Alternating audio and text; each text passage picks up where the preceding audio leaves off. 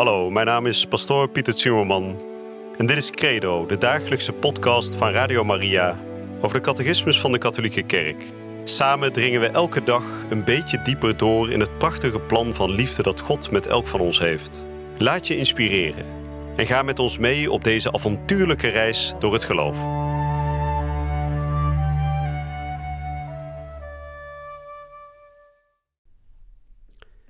Vrienden, welkom terug bij Credo, waarin we elke dag een klein stukje van de catechismus nader onder de loep nemen.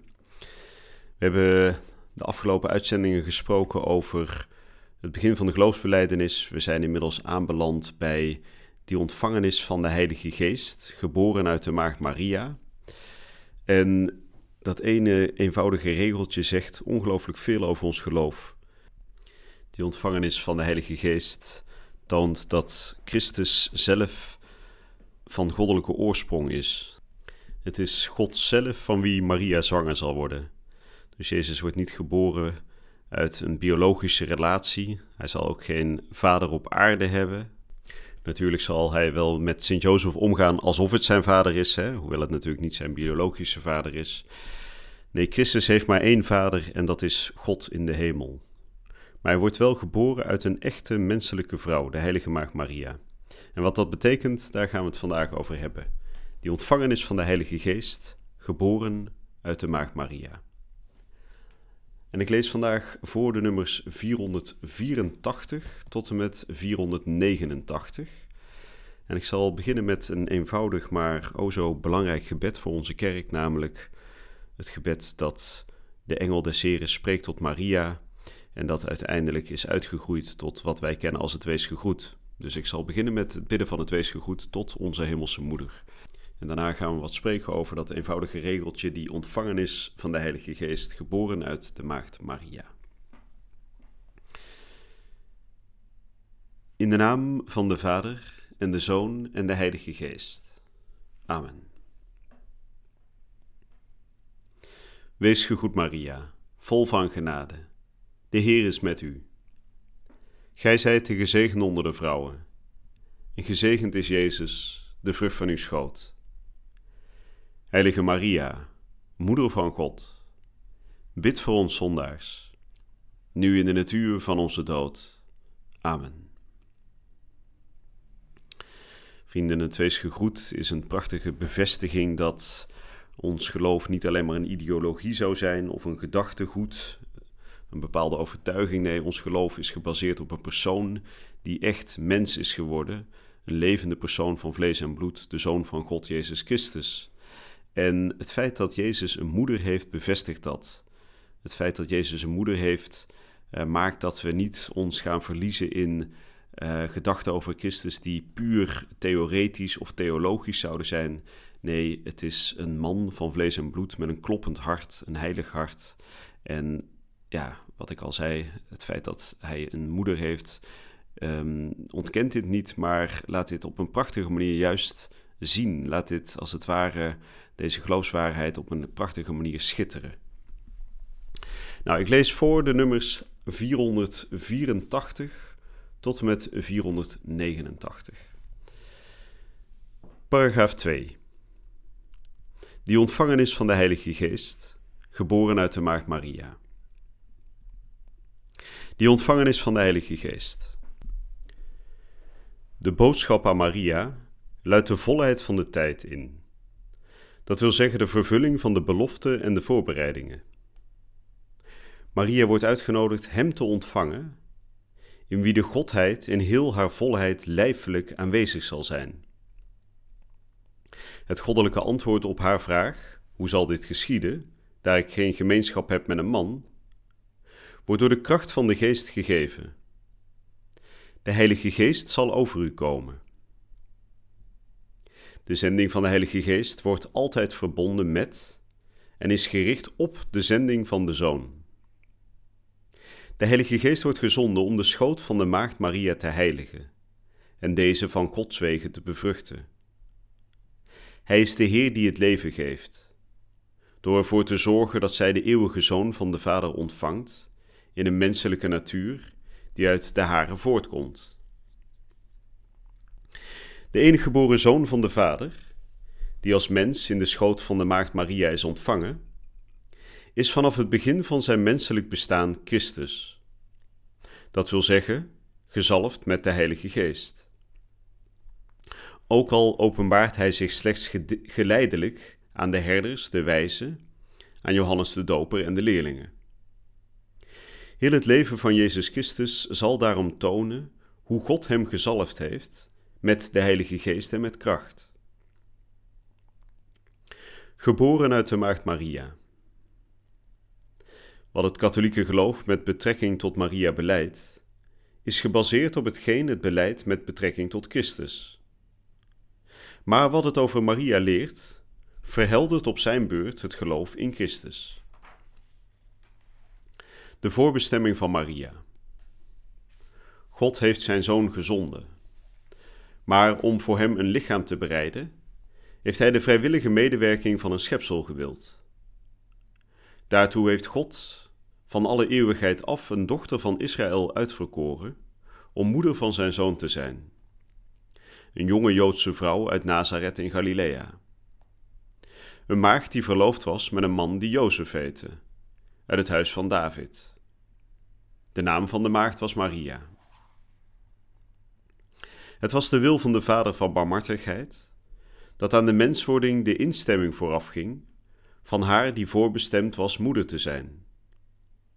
Evenals een vrouw bijgedragen had tot de dood, zo zou nu een vrouw evenzeer bijdragen tot het leven. Gedurende het hele oude verbond is de zending van Maria voorbereid door die van heilige vrouwen. Geheel aan het begin staat Eva.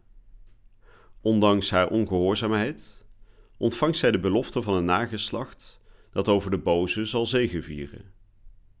En de belofte dat zij de moeder zou zijn van alle levenden. Op grond van deze belofte ontvangt Sarah ondanks haar hoge leeftijd een zoon. Tegen iedere menselijke verwachting in kiest God uit wat als hulpeloos en zwak wordt beschouwd om de trouw aan zijn belofte te tonen. Hanna, de moeder van Samuel, Deborah, Rut, Judith, Esther en vele andere vrouwen.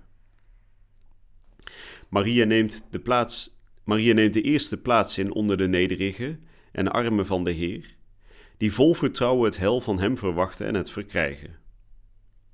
Ten slotte komt met haar de dochter van Sion bij uitstek, na een lang wachten op de vervulling van de belofte, de volheid der tijden en wordt er een nieuwe helsorde gevestigd. Nou, dat waren de nummers 484 tot en met 489. En we horen duidelijk in deze nummers dat de verlosser, de geboorte van de verlosser, dat dat begint met een groot wonder. En eigenlijk zit er ook een soort logica in dit wonder. Daar bedoel ik het volgende mee.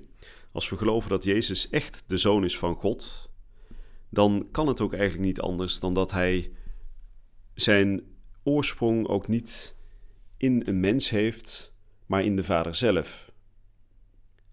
dus op het moment dat we geloven dat Jezus inderdaad in één in wezen is met zijn Vader, hoe zou hij dan alleen maar biologische ouders kunnen hebben? Het moment dat Jozef bijvoorbeeld zijn vader was geweest en Maria zijn moeder, dan zit hij toch als het ware gevangen in de wereld. dan zit hij gevangen in de wereld van de schepselen. Maar in het geval van Christus is dat natuurlijk niet zo. Hij is niet gevangen in de wereld puur van de schepselen, nee, zijn wezen is goddelijk. En natuurlijk is zijn menselijkheid echt, dat bewijst Maria op het moment dat Jezus wordt geboren uit de maag Maria, haalt dat alle schijn weg dat hij niet een echt mens zou zijn. We hebben daar al eerder over gesproken, de ketterij van het docetisme. De docetisten die uh, geloofden dat Jezus niet een echt mens was, maar dat hij een soort schijngedaante had aangenomen om zo tot de mensen te kunnen spreken. En dat ook zijn lijden aan het kruis een soort schijnlijden was om ons te tonen dat hij zich als het ware kon inleven in ons, maar het was toch niet echt. Nou, dat is als een ketterij afgewezen, want Jezus is volledig God, want zijn vader is God zelf en hij is volledig mens, want zijn moeder is Maria. Je zou kunnen zeggen dat als het ware het DNA van Jezus, het biologische DNA, dus helemaal van Maria komt. Dat is op zich ook een prachtig, bijzonder gegeven natuurlijk. Nou, Jezus, die dus door de Heilige Geest wordt geboren uit een vrouw. En we hebben net gehoord dat deze vrouw de vervulling is van de belofte die al duizenden jaren aan het volk van Israël was gedaan. We horen dat die belofte al begint bij Eva. Hè. Ondanks haar ongehoorzaamheid is Eva toch de moeder van alle levenden. En nou ja, door de ongehoorzaamheid is natuurlijk de dood in de wereld gekomen. Maar ondanks deze ongehoorzaamheid doet God toch de belofte dat uit haar nageslacht een vrouw zal opstaan die uiteindelijk de kop van de slang zal verpletteren. En wij weten natuurlijk met terugwerkende kracht dat dat Maria zelf is. dus Jezus, door de Heilige Geest, geboren uit de maagd Maria. Het kan ook eigenlijk niet anders, zoals ik net al zei, want als de oorsprong van Christus niet goddelijk zou zijn, dan ja, was natuurlijk ook zijn zoonschap niet volledig, niet echt.